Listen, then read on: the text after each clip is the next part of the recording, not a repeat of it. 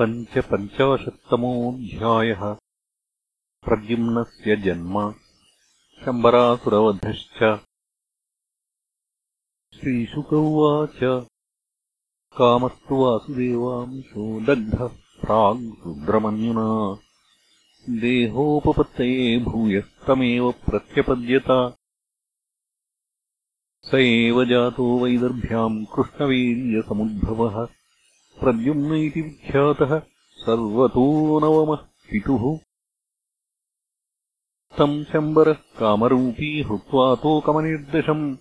स विदित्वात्मनः शत्रुम् प्रास्योदन्वत्यगाद्गृहम् तम् निर्जगारबलवान् मीनः सोऽप्यपरैः सह।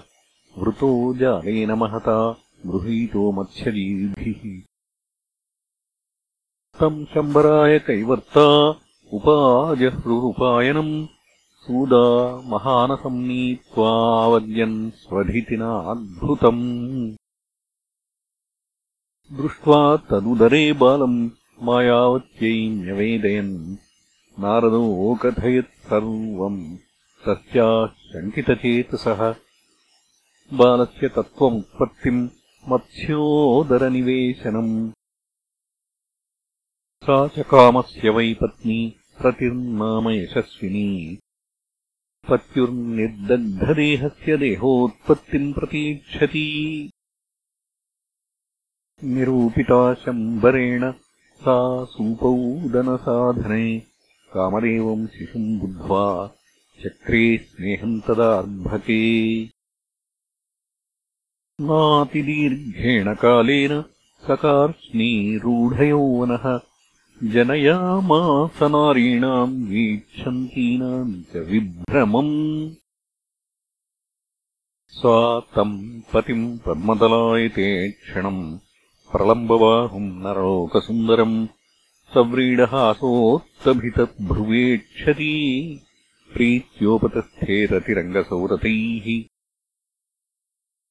तामाह भगवान् कार्ष्निर्मातस्ते मतिरन्यथा मातृभावमतिक्रम्य वर्तसे कामिनीयथा रतिर्वाच भवान्नारायणसुतः शम्बरेणाहृतो गृहात्। अहम् तेऽधिकृता पत्नी रतिः कामो भवान् प्रभो। एष त्वा निर्दशम् सिन्धावक्षिपच्छम्बरोऽसुरः मत्स्योऽग्रसीत्तदुदरादिह प्राप्तो भवान् प्रभो। तमिमम् जहि दुर्धर्षम् दुर्जयम् शत्रुमात्मनः मायाशतविदम् त्वम् च मायाभिर्मोहनादिभिः। परिशोचति ते माता कुररीव गतप्रजा पुत्रस्नेहाकुला दीना विवत्सा गौरिवातुरा प्रभाष्यैवम् ददौ विद्याम् प्रद्युम्नाय महात्मने। मायावती महामायाम् सर्वमायाविनाशिनीम्। स च शम्बरमभ्येत्य संयुगाय समाह्वयत्। अविशह्यै तमाक्षेपैः क्षिपन् सञ्जनयन् कलिम्। सोऽधिक्षिप्तो दुर्वचोभिः पादाहतैवोरगः निश्चक्रामगदापाणिः अमर्षात् ताम्रलोचनः। गदामाविध्यतरसा प्रद्युम्नाय महात्मने प्रक्षिप्य व्यनदन्नादम् वज्रनिष्पेषनिष्ठुरम्। तामापतन्तीम् भगवान् प्रद्युम्नो गदया गदाम्। अपास्य शत्रवे क्रुद्धः प्राहिणोत्स्वगदाम् नृप। स च मायाम् समाश्रित्य दैतेयीम् मयदर्शिताम् मुमुचेऽस्त्रमयम् वर्षम् कार्ष्णौ वैहायसोऽसुरः बाध्यमानोऽस्त्रवर्षेण रौक्मिणीयो महारथः। सत्त्वात्मिकाम् महाविद्याम् सर्वमायोपमर्दिनीम् ततो गौ ह्यकगान्धर्वपैशाचोरगराक्षसीः प्रायुन्त शतशो दैत्यः कार्ष्णिर्व्यधमयत्सताः। निशातमसिमुद्यम्य स किरीटम् सकुण्डलम् शम्बरस्य शिरः कायात् ताम्र श्मश्रुवोजसाहरत् आकीर्यमाणोदिविजैः स्तुवद्भिः कुसुमोत्करैः भार्ययाम्बरचारिण्या पुरम् नीतो विहाय सा। अन्तःपुरवरम् राजन् ललनाशतसङ्कुलम् विवेशपत्न्या गगनाद्विद्युतेव बलाहकः। तम् दृष्ट्वा जलदश्यामम् पीतकौशेयवाससम् प्रलम्बबाहुम् ताम्राक्षम् सुस्मितम् रुचिराननम्। स्वलङ्कृतमुखाम् भोजम् नीलवक्रालकालिभिः कृष्णम् मत्वा स्त्रियो ह्रीता निलिल्युः तत्र तत्र अवधार्यशनैरीषद्वैलक्षण्येन योषितः उपजिग्मुः प्रमुदिताः सस्त्रीरत्नम् सुविस्मिताः